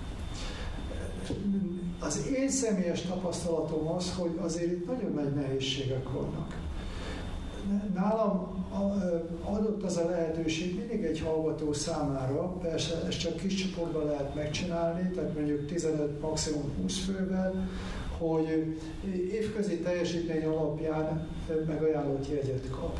Én szeretem ezt a módszert, kevésbé stresszmentes, ugyanakkor bőven van lehetőség a hallgató tudásáról is tájékozódni, hiszen neki, ha nem is hétről hétre, de igen gyakran prezentálnia kell és bemutatja a tudását. És főleg bizonyos kultúrából érkező hallgatóknál, de akár másoknál is, tehát kínaiaknál feltétlenül, ez egy őrült nehézség, hogy nem akarnak és nem tudnak kooperálni a másik hallgatóval. Egyetlen viszonyt tekintenek relevánsnak az oktató és a hallgató vertikális kapcsolatát. De a horizontális kapcsolatokban egyszerűen nincsenek meg a készségeik. És bizony még az is előfordult, hogy egy hallgató hozott egy, egy szemináriumi dolgozat témát, és mondom, hát ki a társa, kik a társai? Azt mondja, hát nem találtam magamnak. Mondom, bocsánat, akkor nem fogadom el. És akkor egy olyan kis megütközés volt benne, de hát kényszerítettem rá, hogy, hogy társakkal dolgozzon, és akkor kénytelen volt ebbe beleállni. Valószínűleg az ő kulturális közegében ez egy tökéletesen új valami volt. Tehát ez a kollaboráció, az együtt dolgozás, ez egy fontos cél az egyetemen, már az alapítványosítás előtt is ez így volt, és ez fontos szerintem, és hasznos is, az interakció és az együtt dolgozás, és ez nem feltétlenül a demokráciáról szól, ez az akadémiai munka csoportban való elvégzéséről szól. És ez egy nagyon fontos érték. Ugyanakkor viszont a, a hallgatóim más szempontból meg csalódást okoznak. Én mindig igyekszem óra előtt 10 perccel bemenni, és óra után ott maradni. Mert megszoktam azt több mint 40 év alatt, hogy mindig vannak érdeklődő hallgatók, vagy nem akarja ott a plénum előtt felvetni ezt vagy azt a kérdést. Ma hiába teszem ezt meg, Először is az utolsó pillanatban esnek be az órára, másrészt pedig óra után én még be sem zártam a komputert, és még össze nem, sem szedtem a dolgokat, és már egyedül vagyok a teremben. Szóval azért ez valahol horror.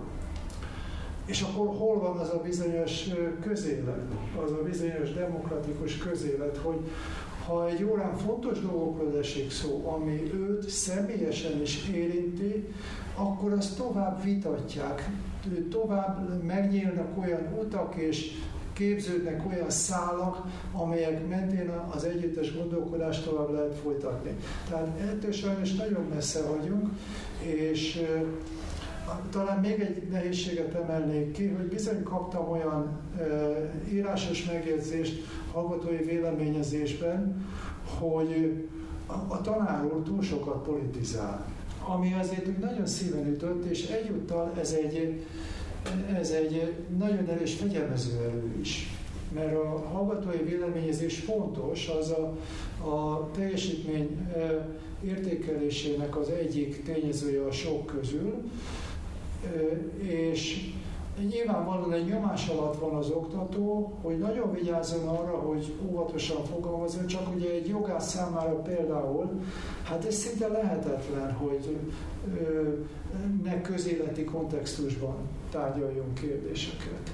Tulajdonképpen az, ez eddigéből is kiderült, hogy van azért képetek arról, hogy milyennek kéne kinézni egy jó működő egyetemnek, miközben azt is tudjuk, hogy, hogy sok szempontból globális a válság. Tehát nagyon sok olyan tényező van, amely, amelyik arra mutat, hogy korábban nagy hírű egyetemek is panaszkodnak és oktatók.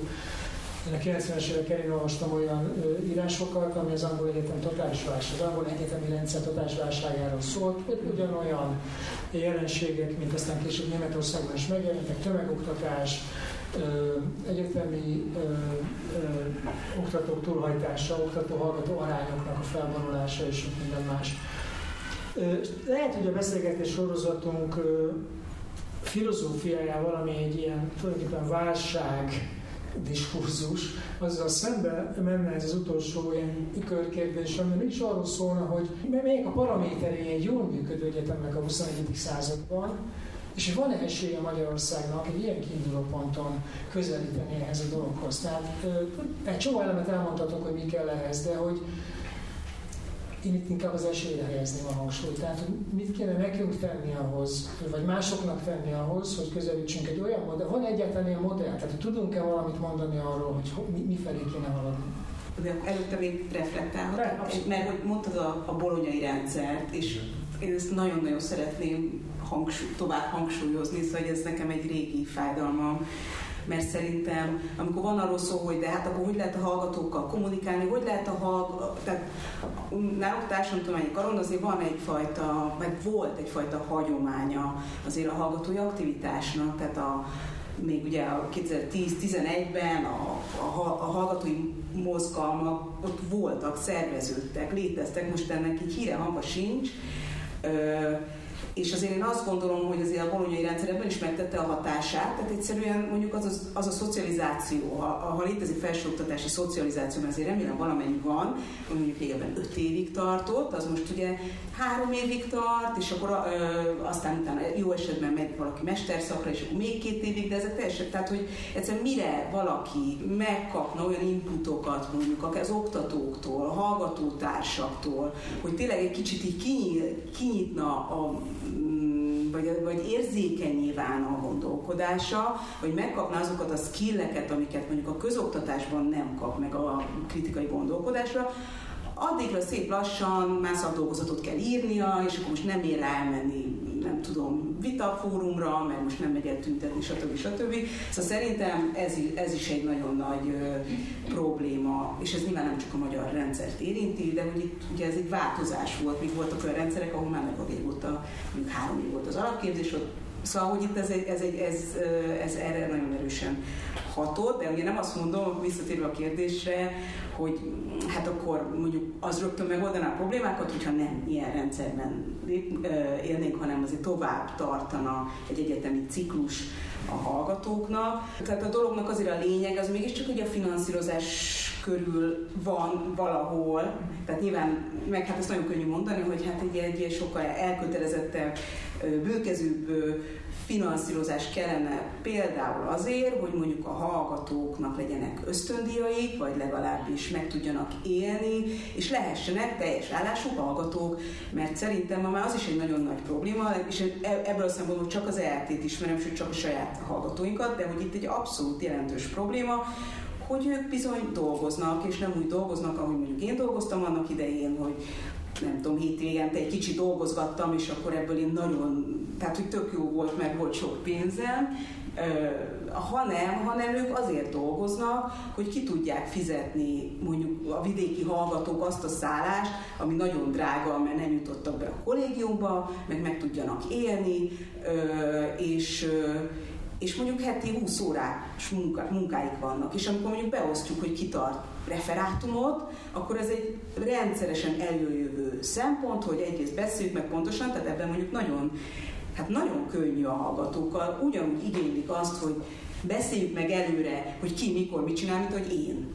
Tehát, mert hogy nekik az fontos, mert a beosztásuk a munkahelyükön, akkor azt ők úgy tudják igazítani, és hogyha mondjuk két héttel korábban van valami változás, akkor ők már nem tudnak a, nem tudom melyik munkahely, a munkahelyükön ebben változtatni. Ez egy hatalmas teher a hallgatókon, hogy ők egyáltalán nem nincsenek ott lélekben. Tehát amikor kimennek az óráról, akkor, tehát hogy lehet, hogy nem konkrétan rohannak a, a munkahelyükre, de hogy az ő, ők nem tudnak teljesen ott lenni sokszor lélekben. Tehát hogy az, az biztos, hogy az fontos lenne, hogy ők lehessenek elmélyülhessenek abban, amit tanulnak. Hát és a másik, ez egyébként a, tehát a felsőoktatással foglalkozó kritikai pedagógia gondolata, tehát nem, nem saját kútfő, de hogy ugye az, az is egy nagyon-nagyon fontos jelenség, ugye sokszor diákhitelekből finanszírozzák magukat, és akkor hát nagyon fontos, hogy hát amint készhez kapják a diplomát, de jó esetben már korábban legyen egy biztos munkahelyük, hogy ők azt a, azt a diákhitelt majd elkezdhessék visszafizetni. Tehát ez ugyanolyan, mint amikor mi rohangálunk a Q1-es, Q2-es publikációk iránt, már rég nem az a fontos, hogy ő mit tanul, meg hogy ezen gondolkodjon, erre reflektáljon, jobbá akarja tenni a világot, hanem hogy holnap után vissza tudja azt fizetni, meg tudjon élni, esetleg mondjuk beváltsa a családjának az ő társadalmi mobilitás sába vetett mindenféle beruházását, mert azért sokszor ez is van, hogy mondjuk valaki olyan családból jön, ahol ez nagyon megterhelő támogatni a 20-21-22 éves gyereket abban, hogy egyetemre járhasson. Tehát ez, és akkor ezek mellett eltörpül az, hogy, hogy, hogy mi van a tudással a számára. Úgyhogy, úgyhogy mindenképpen tehát tulajdonképpen ez igazából tényleg a finanszírozás problémájára vezet vissza, tehát hogyha ha ez egy legitim dolog lenne, hogy költsünk nagyon sokat a felsőoktatásra, akkor azért ez változna, ettől nem válna ideális ez a dolog, de mondjuk ott tudnának lenni lélekben a hallgatók, és akkor nyilván van még egy csomó más dolog.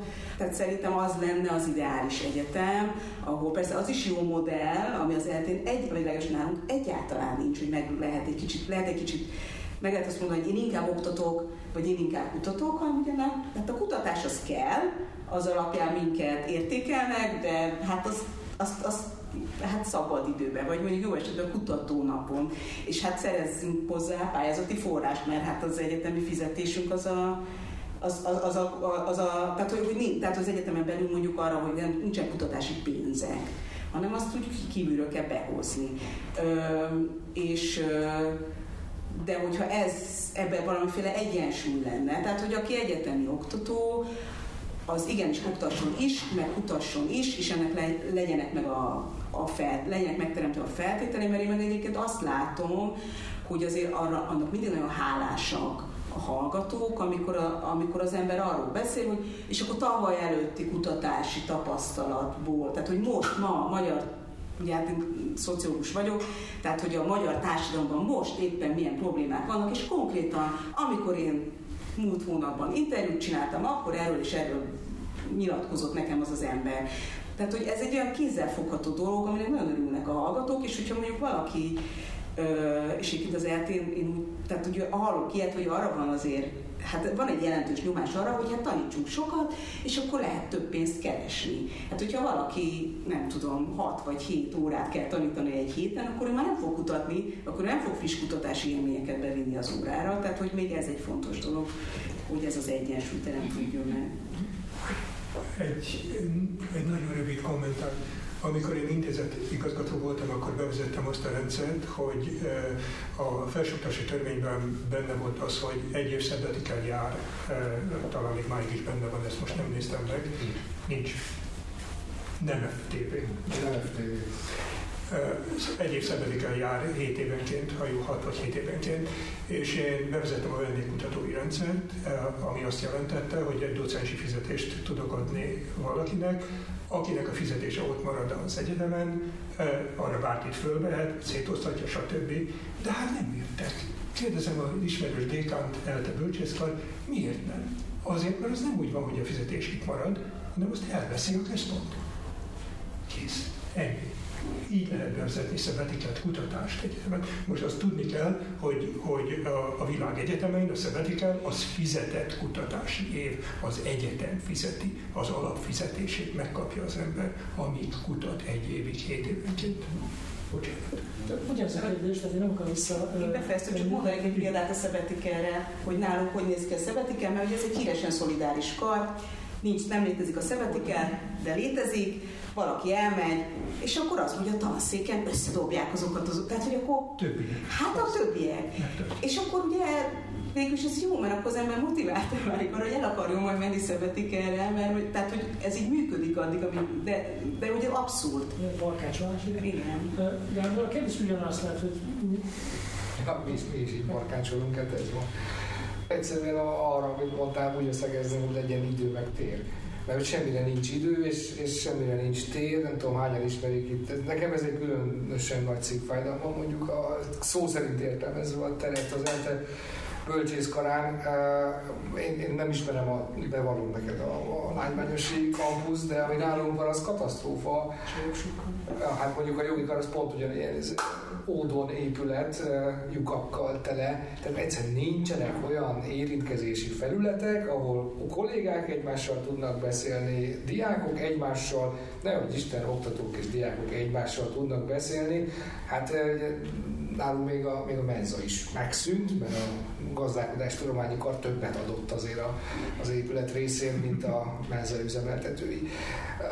Tehát totálisan atomizálódó és, és rohanó. Igen, a diák is rohan valóban, mert nincs kollégium, mert nem tudja a szülő támogatni, és az oktató is rohan, mert az indikátorokat azokat megteljesíteni kell, meg Szóval ez így, ez így nagyon nincs jól. Én egy picit ilyen az ember megnéz egy, nem tudom, régi amerikai filmet, vagy akármilyen film, a professzor, vagy az ott pipázik és beszélget és olvas. Én úgy szeretnék egy picit néha ehhez hasonlítani, hogy ülök egy cégbe és olvasok egy könyvet, és nem azért, mert azt azonnal be kell hivatkoznom egy publikációba, hanem hogy elolvassam, mert érdekel. És ez nonsens, hogy egy egyetemi oktató ezt gyakorlatilag már nem teszi meg, hanem akkor olvas, amikor arról mindjárt ír is valamit. Ez, a világ vége. Tehát ez, ez nem tudomány, ez tényleg, tényleg egy elképesztő munka. Um, és hát nem lehet megkerülni azt, hogy ennyiből nem lehet felsőoktatást működtetni, elbábozzuk, hogy ez a dolog működik, de ez rohadtul nem működik. És tényleg e tekintetben azt gondolom, hogy ez ELTE egészen kirívóan rossz helyzetben van, infrastruktúrálisan is, meg, meg minden, hogy... És még egy dolog, hogy azért az én ideális magyar egyetememen a magyar diákoknak van esélyük tanulni. Nagyon szép dolog ez a nemzetközi esítés, de egyrészt ezt nem tehetjük meg úgy, hogy eközben egyébként gyakorlatilag az országból kiűzzük a, a leginkább egyetemre érett diákokat, és legalább már mesterszakon, de ha lehet, akkor még korábban menjenek innen és máshol tanuljanak, és azok már sosem fognak hazajönni, vagy majd egyszer, amikor majd ilyen érdekes lesz visszajönni ebbe a kis exotikus országba. Másrészt és, és egyébként, igen, tehát egy, másrészt ez azért is egy önáltatás, mert amit ma nemzetközi hívunk, az nagy részt egy államilag fenntartott rendszer, egy stipendium hungarikum nevű ösztöndíj, annak keretében érkeznek ide hallgatók, az á, magyar állam fizeti az ő itt létüket, mondjuk egészen borzasztó körülményeket biztosít számukra is a kollégiumokban, de még így is többet költünk egy külföldi hallgatóra, mint egy magyarra. Kivéve az orvosi egyetemek. Az orvosi egyetemek így van, tehát van kivétel, az orvosi egyetemek azok, azok önfenntartóak is, de hogy ez nem nemzetközi esítés, és egyébként akkor nincs tér meg idő, szóval bejön hozzánk van angolnyelvű mesterképzésünk, de behozzák a kínai diák, vagy az algír diák, akármilyen. Ezek ugye nem a leg, ezek nem nyugati diákok, akik ilyen stipendium hungárikummal jönnek, de ez nagyon érdekes tapasztalat egyébként eh, velük beszélgetni. Sokkal könnyebben szót értünk, azt kell mondanom, a, a, az orosz meg az ukrán diákokkal sajnos, mint, mint a németekkel. Ez egészen, egészen újszerű élmény. Na de bejön, benyit a WC-be, és hát azonnal haza akar menni. Hát, hogy így nem lehet. Ez a magyar diák számára is megalá megalázó, ami az eltén mondjuk a mi épületünkben mondjuk mosdó címén fut. Igen. Tehát, tehát így akarunk mi bármit fejlődni, tehát nem adunk pénzt a, az épületre, nem adunk pénzt a diákokra, nem adunk pénzt az oktatónak, de egyébként támasztjuk az elvárásokat mindenkivel szemben, aztán tartsuk az épületet, ne dőljön össze, nincs esélyünk. De, mi volt a kérdés? A kérdés egy, egy, egy elképzelt ideális egyetem, és milyen messze vagyunk igen, én nem látok igazán esélyeket a közeljövőben. Belátható időn belül én nem gondolom, hogy lenne józanésszel belátható esély arra, hogy, hogy valami más pályára kerüljenek a magyar felsőoktatási intézmények. Ugye ezzel nem mondok semmi újat, de hát az igazság az, hogy mi is a magyar társadalom része vagyunk. Annak a magyar társadalomnak a része vagyunk, amely most már negyedszer kétharmadot szervezett, vagy szavazott egy diktatórikus módon működő politikai konglomerátumnak. És ez, ez valóban azt jelenti, hogy hogy fokról fokra átalakul az egyetem. Tehát már magunk sem vesszük észre, hogy már lassan a gondolkodásmódunk is, ha bent vagyunk az egyetemen, akkor megváltozik. Itt egy folyamatról van szó, tehát még csak nem is a 12. szeptember 1 kezdődik ez a folyamat, amikor új közoktatási és felsőoktatási törvény született, szigorúan nemzeti jelzővel ellátva, sőt nem is közoktatásnak hívják, hanem köznevelésnek, hanem ez egy hosszabb folyamat. Én azt gondolom, hogy a rendszerváltozás óta a magyar egyetemek egyáltalán nem találják a helyüket tanulságos ebből a szempontból Magyar Bálintnak a reformkísérlete. Bizonyos szabadság volt persze az egyetemeken, én 77 óta vagyok benne a felsőoktatásban, tehát van némi tapasztalatom. Sokkal nagyobb volt a mozgástér természetesen a korábbi időkben, sőt, privilegizáltnak éreztük magunkat. Ugyanakkor átláthatatlan alkuk alakították az egyetemi viszonyokat. Ezt meg lehet szimpatikusabb módon is fogalmazni, hogy én el nem tudtam volna képzelni, hogy, hogy írásban valami lényeges instrukció születik, mert hogy mindent ilyen gentleman agreement alapon lehetett nézni az egyetemen. Az egyetem az azért egyetem, hogy, hogy ilyen értelemben legalábbis meg lehessen beszélni a dolgokat. Ezzel csak egy baj volt, ezzel a viszonylag, ezzel a, ezzel a slampos demokráciával, vagy slampos autonómiával csak egy baj volt, az, hogy ebben nem volt pénz. Márpedig ahhoz, hogy a nemzetközi folyamatokba egy magyar egyetem integrálódni tudjon, ahhoz természetesen beruházásokra, fejlesztésekre, pénzre van szükség.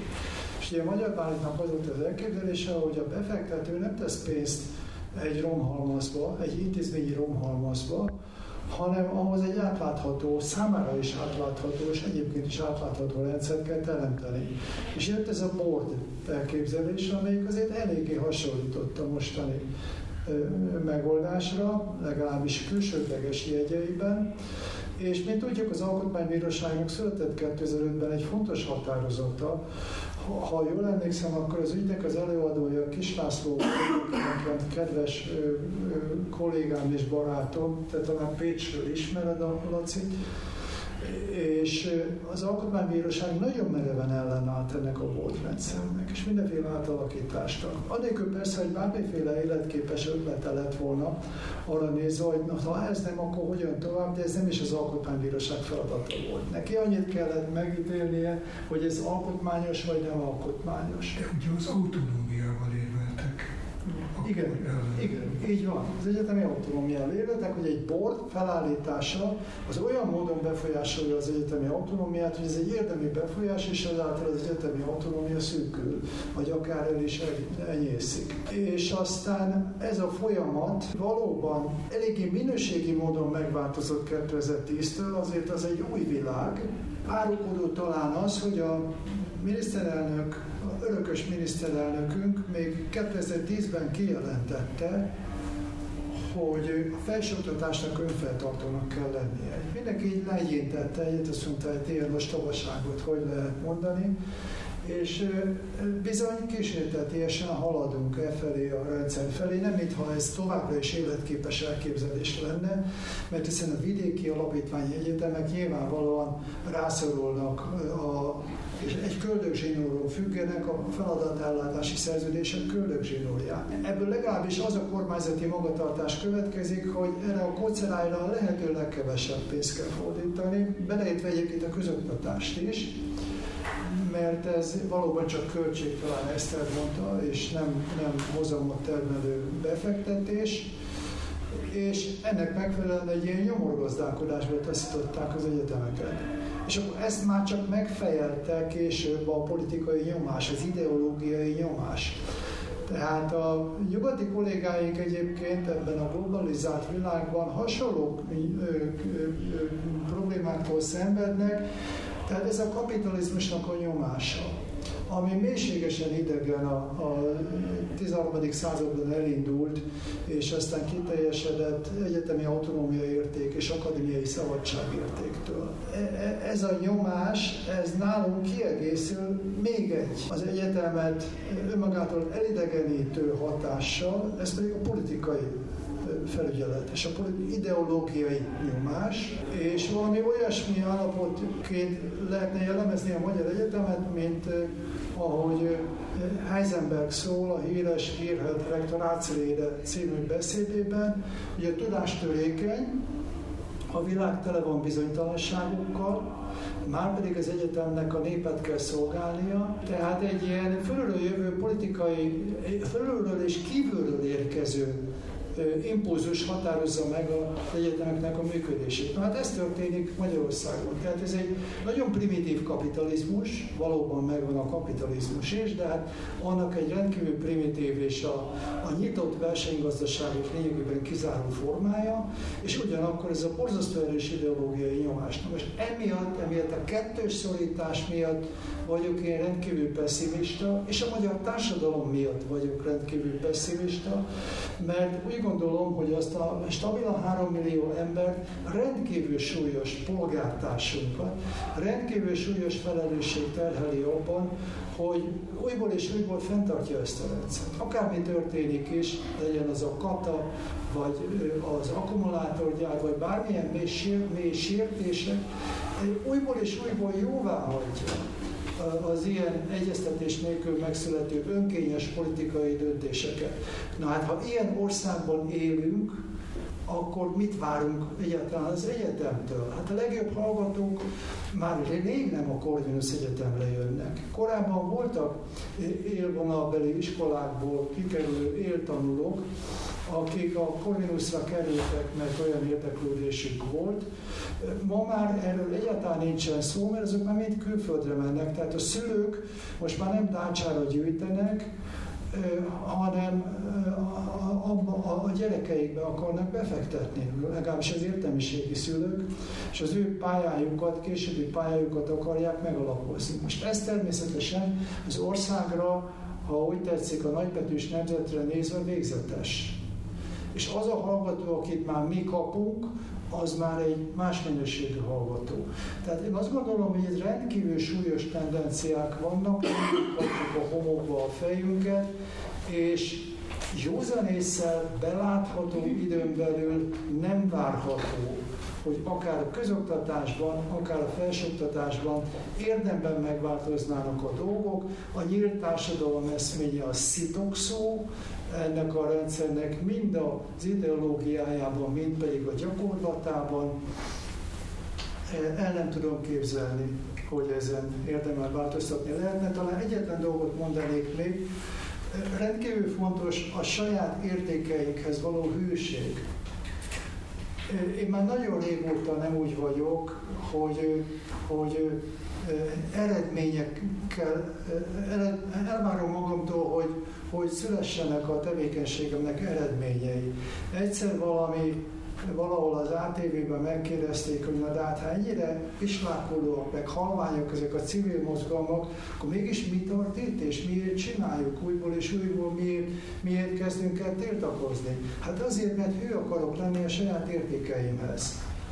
Na most ez nem egy úgymond hatékony vagy eredményközpontú gondolkodásmód, ez egy belső értékek szerint igazodó a tisztesség szabályaihoz, akár a tudományos tisztesség szabályaihoz igazodó gondolkodásmód, de ebből nem lesz jobb egyetem.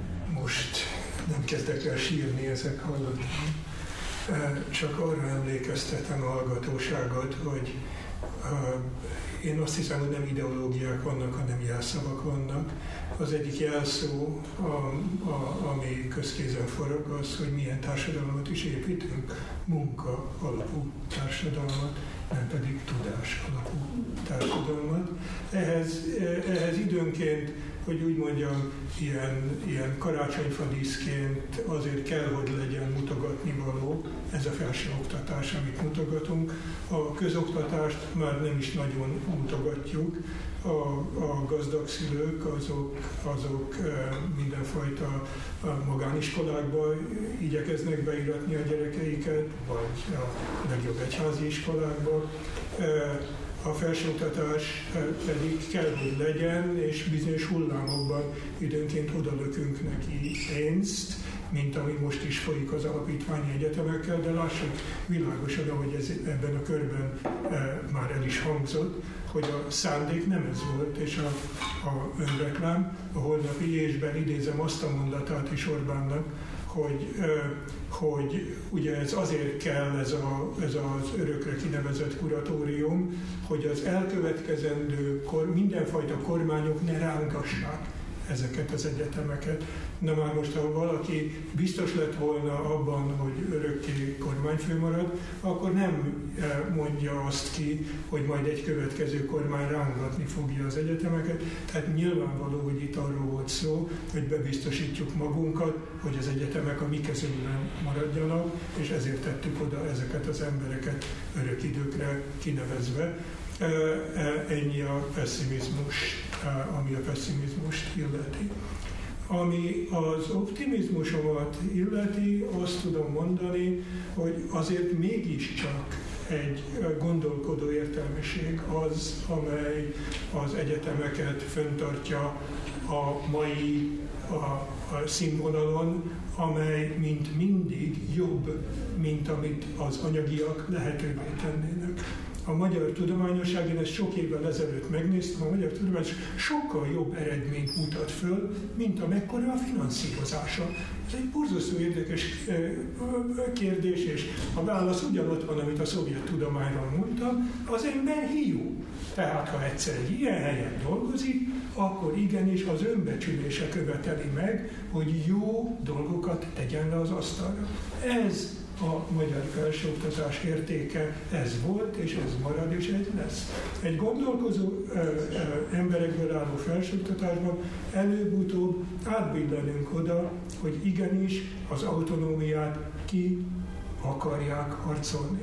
Én abban látom a jövő egyik lehetőségét, hogy amikor most majd megszületnek ezek az új szabályozások a kuratóriumokról, akkor az egyetemek az egyetemek oktatói, dolgozói elkezdik követelni azt, hogy beleszólásuk legyen abba, hogy kik lesznek a kuratórium tagjai.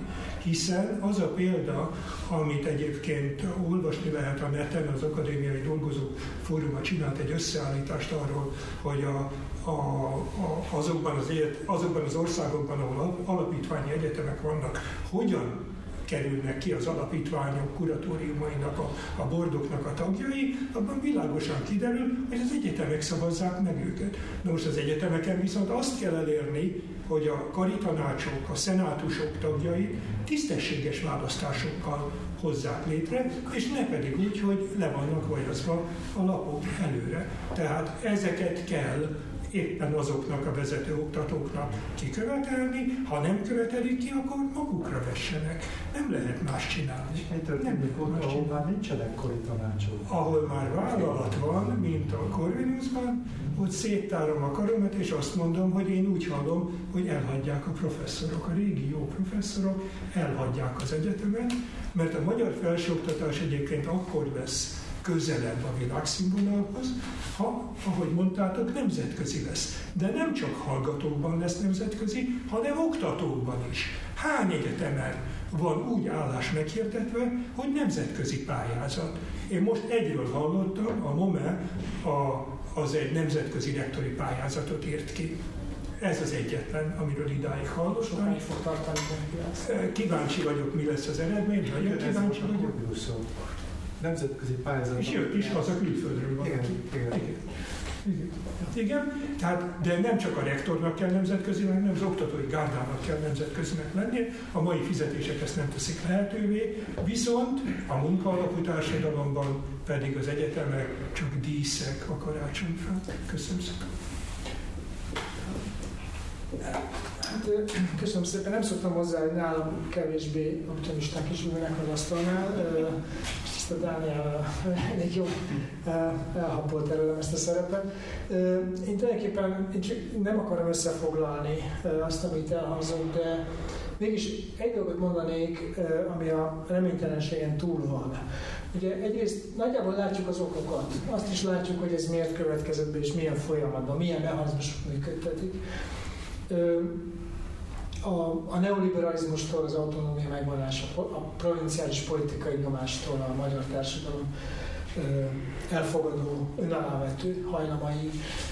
Amit most tettünk, az tulajdonképpen nem más, mint az egyik nagyon keskeny kivezető út. Ebből beszélünk a dologról. Beszélünk autonómiáról a hallgatóinkkal, beszélünk kollégáinkkal, és beszélünk a nyilvánosságnak. Tehát én nem tudok más utat, mint azt, hogy ezeket a kérdéseket állandóan felvetjük, és összefüggésbe hozzuk egyébként demokráciával, jogállammal, egészségügyel, a magyar társadalom egészségi állapotával, az Európai Unió lehetséges válaszaival, és a tudás, mint olyan demokráciához kapcsolódásaival. Úgyhogy azt hiszem, hogy egyet tudunk tenni, továbbra is beszélni fogunk ezekről a kérdésekről. Én nagyon úgy érzem, hogy az egyetem, a tudás és az oktatás kérdéseire vissza fognak térni, hanem pont ehhez az asztalhoz, de mi igyekszünk majd a Progress Alapítványnál újra visszahozni ezt a témát, mert nagyon úgy tűnik, hogy nem fog rövid távon megoldódni. Nekem például unokáim is vannak már, tehát biztosan tudom mondani, hogy nem rövid távon gondolkodunk, hanem szeretnénk a Magyarországot közép vagy hosszú távon egy európai demokráciának látni, és ehhez az egyetemnek nagyon is sok köze van. Köszönöm szépen a megjelenteknek, és köszönöm a részvételt. A felvétel 2023-ban készült.